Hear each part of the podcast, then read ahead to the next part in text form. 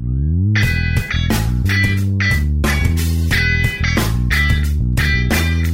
Re, apa kabar? Berharap semuanya baik-baik aja. Selamat datang di podcast Bangga Surabaya.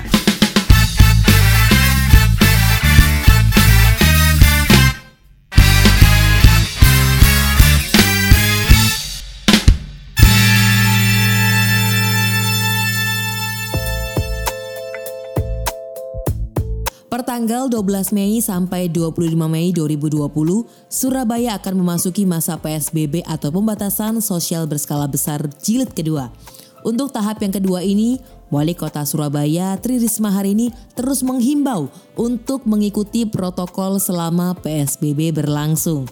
Kalau di tahap yang pertama kemarin dilakukan penindakan tegas bagi warga yang melanggar, salah satunya dengan berkeliling ke perusahaan, pertokoan untuk memastikan protokol COVID-19 benar-benar diterapkan. Di sini, Pemkot nggak bekerja sendirian, melainkan bekerja sama dengan pihak kepolisian dan juga TNI. Begitu pula dengan tahap yang kedua, Pemkot Surabaya bersama dengan jajaran TNI, Polri akan lebih tegas dalam memberi tindakan bagi warga yang melanggar. Emang penindakannya seperti apa sih Min kalau ketahuan melanggar? Jadi ceritanya nih, kemarin ada pertokoan yang melanggar protokol. Akhirnya, oleh tim Satpol PP selaku penegak perda bertindak tegas dengan mengambil KTP yang bersangkutan dan langsung diproses di pengadilan. Selain itu, masih banyak banget dijumpain warga yang kurang menerapkan physical distancing ketika berada di tempat umum.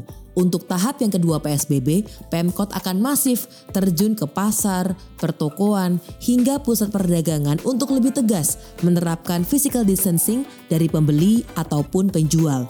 Bahkan, ada sanksi tegas bagi warung-warung yang dinilai masih membandel atau menyediakan tempat duduk untuk nongkrong. Nah, baru-baru ini pemerintah kota Surabaya menerapkan metode sarang tawon untuk mencegah penularan COVID-19 khususnya di wilayah perkampungan. Hah? Metode apaan itu Min? Jadi ketika ditemukan satu orang warga yang positif di sebuah wilayah, maka Pemkot akan langsung menggelar rapid test secara massal di lokasi tersebut. Hingga saat ini, pemerintah kota Surabaya sudah menggelar rapid test massal di lima wilayah perkampungan. Di antaranya ada Manukan Kulon, Beratang Gede, Rungkut Lor, dan di daerah Kedung Baruk.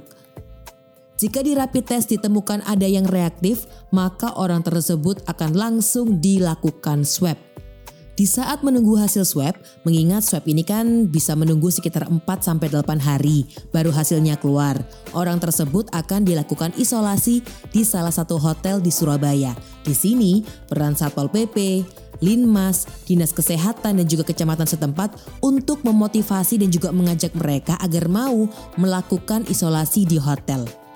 Kok isolasinya di hotel sih Min? Jelas gitu kan, hal ini dilakukan untuk mencegah virus menular kepada anggota keluarga yang lain ataupun masyarakat sekitar. Nanti kalau hasil swabnya udah keluar dan dinyatakan negatif, maka dia diperbolehkan pulang ke rumah. Sedangkan kalau positif, maka akan dirawat di rumah sakit.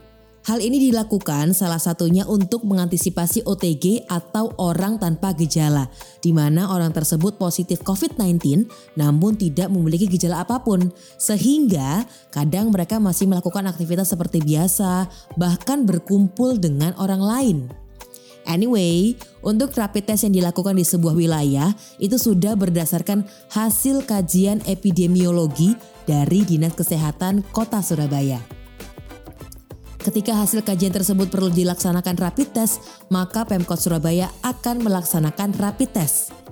Jadi Rek, gak bosen-bosennya nih, Mimin ingetin terus untuk selalu disiplin. Kalau gak disiplin, ya tetap aja penyebaran akan semakin luas. Disiplin pakai masker ke mana-mana, disiplin tetap di rumah aja jika nggak ada keperluan yang mendesak untuk keluar.